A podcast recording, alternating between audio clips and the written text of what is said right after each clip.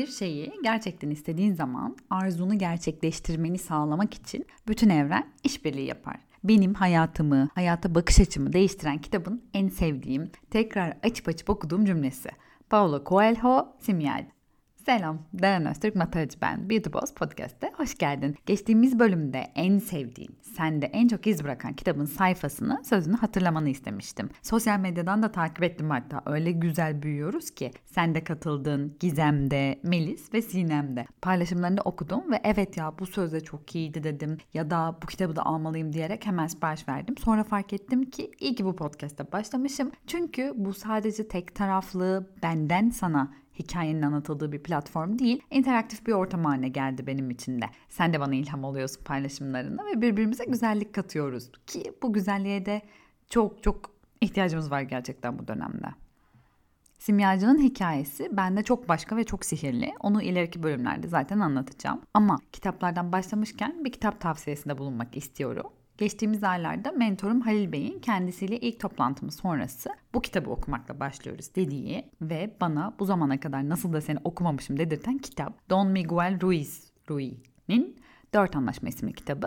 Hiç detaya girmeden sadece sonsuzluğun ötesi içimizde diyerek susuyorum burada ama altını çizerek okuyacağım. Hatta üç kere beş kere okuyacağım bir başucu kitabı bence. Bu arada başucu kitabı cümlesi bana hep çok saçma gelmiştir. Bir kitabı bir kere okursun, iki kere okursun da başucu kitabı demek her zaman elinin altında olacak demek ya hani. Bu kitap gerçekten her gün, her sabah ya da her akşam bir cümlesini okumalık başucu kitabı kavramının hakkını verenlerden.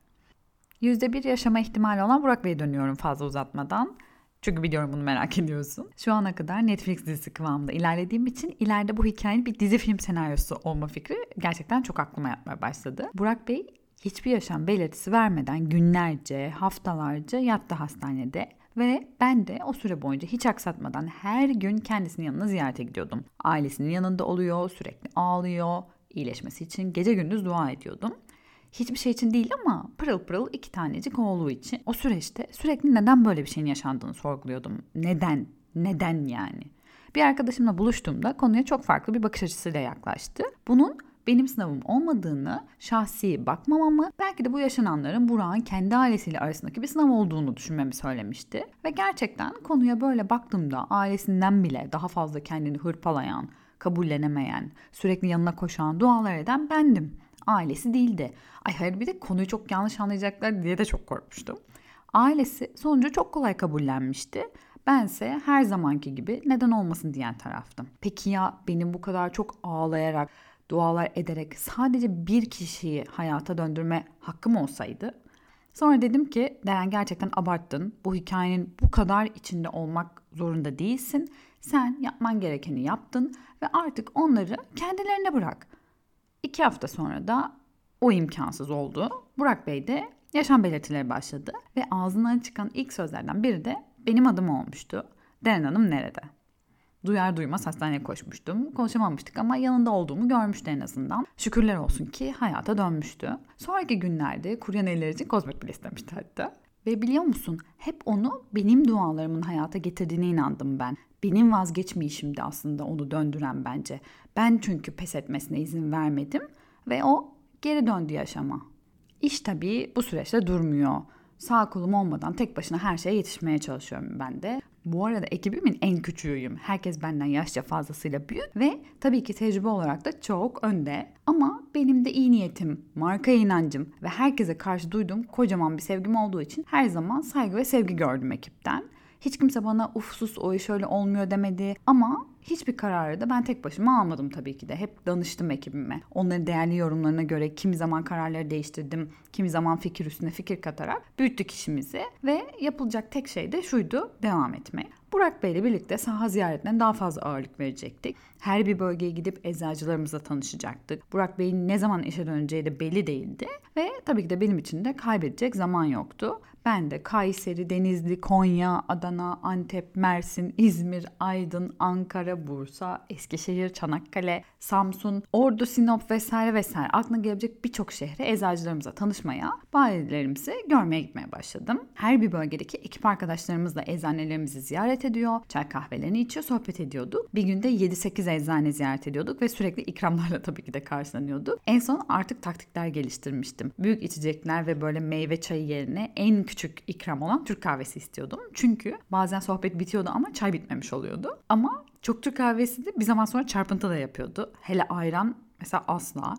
Sabah 5-6 uçağıyla da geldiysem mesai bitmeden böyle gözlerim falan kapanmaya başlıyordu. O dönem 350'nin üzerinde bayimizi birebir yerinde ziyaret etme şansı yakalamıştım ve bu beni gerçekten çok beslemişti markamızı nasıl büyütürüz, satışlarımızı nasıl arttırırız sorularına yeni bir cevabım vardı artık.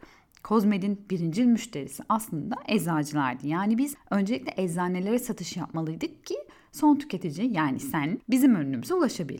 Bir ürün ulaşılabilir olmadığında aslında zaten satışta gerçekleşmiyor. Ki bunu Osman Bey döneminde yaptığımız televizyon reklamlarıyla da tecrübe etmiştik. Evet belki o dönemde reklamı gördün ve hatta wow çok etkilendin ve hemen bu ürünü almalıyım dedin. Ama ne yaparsın? Her zaman gittiğin eczaneye sorarsın ürünü. Ve ne olur o eczanede o ürün yoksa eczane uzmanı sana büyük ihtimalle hemen başka bir ürün tavsiye eder. Hadi diyelim ille kozmedi istiyorsun.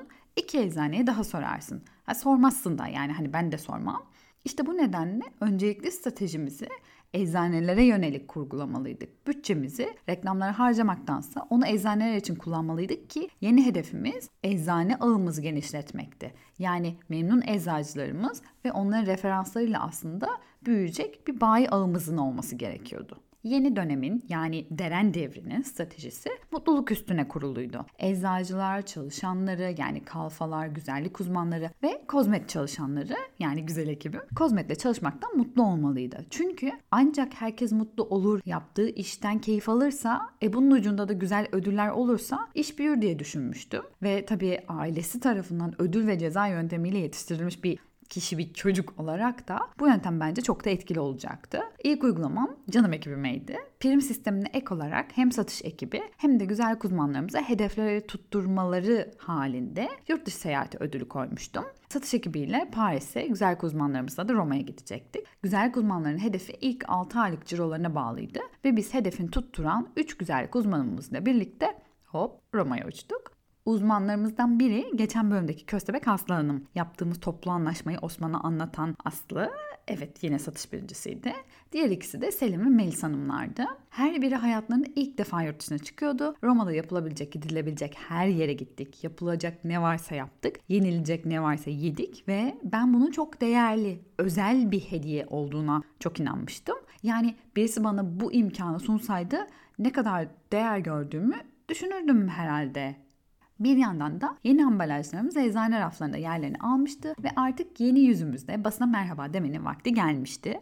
3 Eylül 2013 Emirgan'da Labum isimli restoranda basın asmamızı gerçekleştirmiştik. Yeni renklerimiz, yeni enerjimiz bize çok iyi gelmişti. Beni ilk günlerimden bilen yani o Deren'in ilk okuldan mezun olduğu zamanlardan beni bilen güzellik editörleri markamızın nasıl da sağlam adımlarla ilerlediğini söylediler bize. Ve sonrasında da basının desteğini açıkçası gerçekten hep yanımızda hissetmeye başladık. Bu lansman bizim basın tarafındaki o yüzden miladımız olmuştu diyebilirim. Hayatımın bu arada 2013 en aktif seyahatli senesiymiş. Alt alta değineceğim konuları toparlamak için böyle bir Instagram'ımı açıp bakıyorum. E, fotoğrafların üzerinden ilerliyorum. Hatta bu arada sen de şu anda en alttaki fotoğraflarımı gidip bir yandan dinlerken bir yandan da böyle taşları yerine oturtabilirsin. Gerçekten dersin ya Deren ne kadar gezmişsin diye. Lansman sonrası tüm ekip hop Antalya'ya uçmuştuk. En kalabalık olduğumuz dönemde o dönem böyle 57-58 kişilik bir ekiptik. Sadece saha kadrosu olarak, pazarlama ekibi olarak. Her bölgemizde satış ve dermatologlarımıza ürün tanıtım yapan mümessil ekiplerimiz ve güzel uzmanlarımız vardı.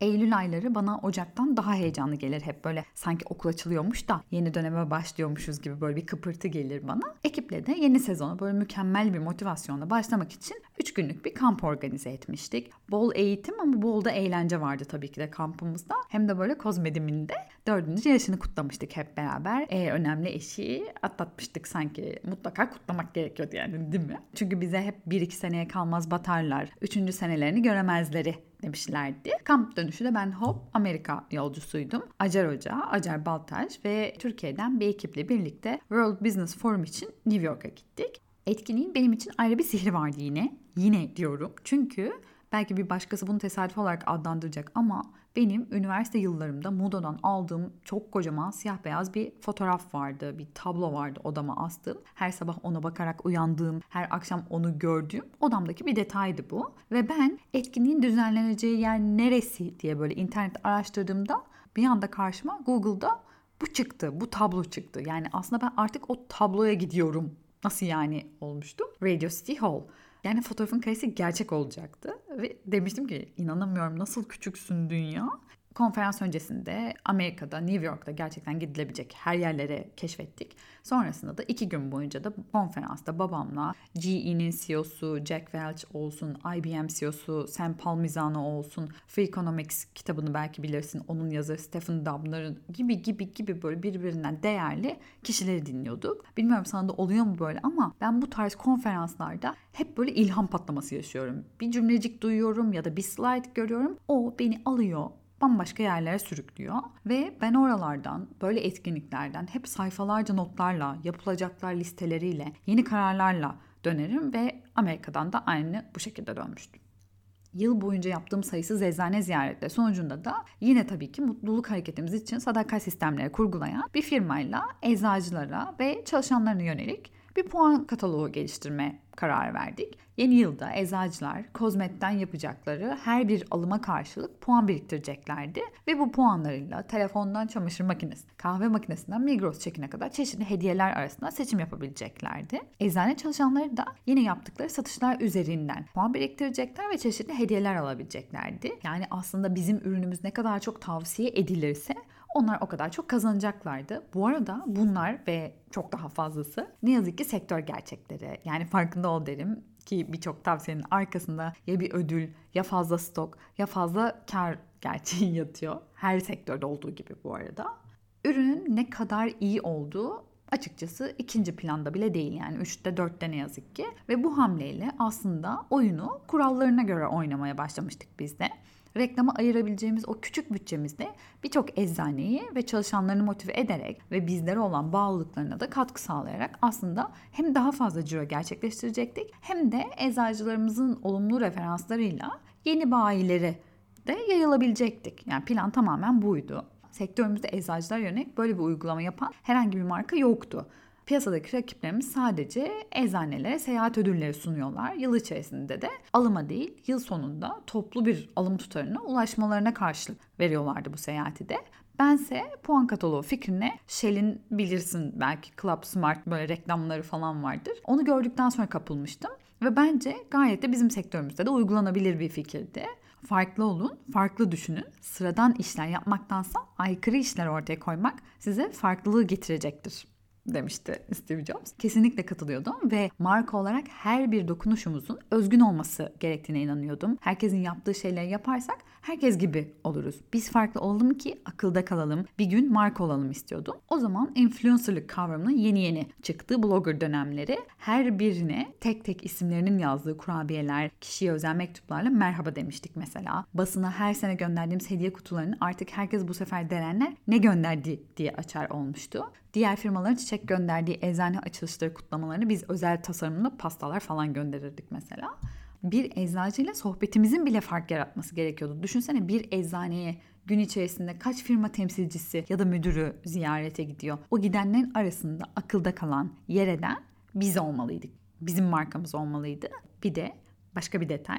Yaşım küçük olduğu için böyle beni pek de ciddi almayan kişilerle böyle uzunca sohbetlerimizin sonucunda hep aynı cümleyi duymak beni çok mutlu ederdi. Sen bu kozmetik yaparsın Deren. Yolun açık olsun. 2014 geliyor yepyeni hayalleriyle, hedefleri ve planlarıyla. Burak Bey de artık aramızda, ofise dönmüş, her şey düzene de girdi artık. Engelimiz kalmadı, sorunlar da çözüldü. Artık satış yapmaya, kar etmeye konsantre olmanın vakti fazlasıyla gelmedi mi? Değil mi? Geldi. Hem de bu sene Kozbe'nin artık 5. yılı olacak. Zaten biz de 5. yılda ancak kar edebileceğimizi öngörmüştük. Yani markayı kurarkenki planımız ilk 5. yılın sonunda aslında kar etmekti. Ve yapılanma sürecimizi de artık tamamladık ve bebeği de artık ayağa kaldırmamız gerekiyordu. Mevcut müşteriyi elde tutmak yenisini kazanmaktan daha kolaydır ve araştırmalar gösterir ki mevcut müşteriyi elde tutmak için 10 birim çaba, para, zaman harcaman yeterliyken yeni müşteri bulmaya çalıştığında bu kriterler 70 birime kadar yükseliyor. Buradan hareketle yeni yılın puan kataloğu uygulamasını başlatmanın yanında bir de 2013 yılının en yüksek alımını gerçekleştiren eczanelerimize yönelik de bir organizasyon düzenlemeye karar verdik ve Kozmet Yıldızları etkinliğimiz doğdu. Eczacılarımızı Kıbrıs'ta 3 günlük bir organizasyon düzenledik. Ürün eğitimleri, turistik geziler, eğlenceler, ödül töreni ve stratejinin de bir arada olduğu bir organizasyon bizim için de bir ilkti. Ve bu arada bu etkinliğimiz hala da devam ediyor her sene. Peki ne oldu? 2013 yıldızlarından şu an hangileri hala yıldız diye soracaksın büyük ihtimalle sen de. Şu an hiçbiri. Hepsi kaydı. Hepsi kayan yıldızlar oldu. Kurulan ilişkiler, verilen karlılıklar, ödüller. Yani yıl şu an 2021 ve ben hala hala çözebilmiş değilim nedir başarının sırrı? Her sene yükselen bir grafikle ilerleyen markalar ne yapıyor da biz yapamıyoruz? Neden Kozme'de hiç hala şans verilmiyor? Hiç anlamıyorum. Çok merak ediyorum. Tek fark ettiğim şey şu ki biz biraz galiba fazla duygusal yaklaşıyoruz. Ne yazık ki. Günlerden bir gün çok sevdiğim iki eczacımla birlikte Nişantaşı'nda oturmuş öğlen yemeği yerken Neylan Hanım Zırhlıoğlu Eczanesi sahibi, Fulya Hanım da Fulya Eczanesi sahibi Neren Hanım o can alıcı soruyu sordu. Kozmetik kaderini değiştirecek soruyu sordu. Deren, Burak'tan memnun musun? Daha iyi bir satış müdürüne ihtiyacın olduğunu düşünüyorum. Seni Murat'la bir tanıştırayım istersen. Çok severim Murat. Dedi. Dönelim şimdi sana. Burada bırakıyorum hikayeyi yine duruyorum. Hobilerini sormuştum. Çok klişe gibi gelebilir. Hobileri neler de sorusu ama aslında hobilerimiz bizi anlatır. Hobilerimiz kendi tercihlerimizdir. Kitap okumayı seviyorsak kitap okuruz. Spor yapmayı seviyorsak spor yaparız. Ya da yemek pişiririz. Hobiler bizdir. Ve biz hobilerimizi yaparken mutlu, keyifliyizdir. Hayatta mutlu olmak istiyoruz ya, yaşam amacımız doğrultusunda yaşayarak huzurlu. Bu ancak aslında hobilerimizde mümkün. Yoksa hayat ev, okul, iş, trafik, beslenme, yemek döngüsünden pek de ileriye gidemiyor. Gidemez de. Ama Neydi hobilerin? Bir üzerinden geçsen şimdi mesela tekrar. Ve bu hobilerini en son ne zaman yaptın? Yani kendine en son ne zaman zaman ayırdın? Bunu bir düşün. Bu seferlik de bu kadar. Beni dinlediğin için çok teşekkür ediyorum. Podcast'imi beğeniyorsan güzel yorumlarını ve kalplerini beklediğimi unutma. Bana Instagram hesabım @derenöztürkmatereci ya da beautyboss@cosmet.com.tr adresinden ulaşabileceğini biliyorsun. Bir taraftan da YouTube'dan Deren Öztürk Matarcı olarak vloglarımı da izlersen ve onlara da kalplerini bırakırsan çok çok sevinirim. Bir sonraki bölümde görüşürüz. Hoşçakal.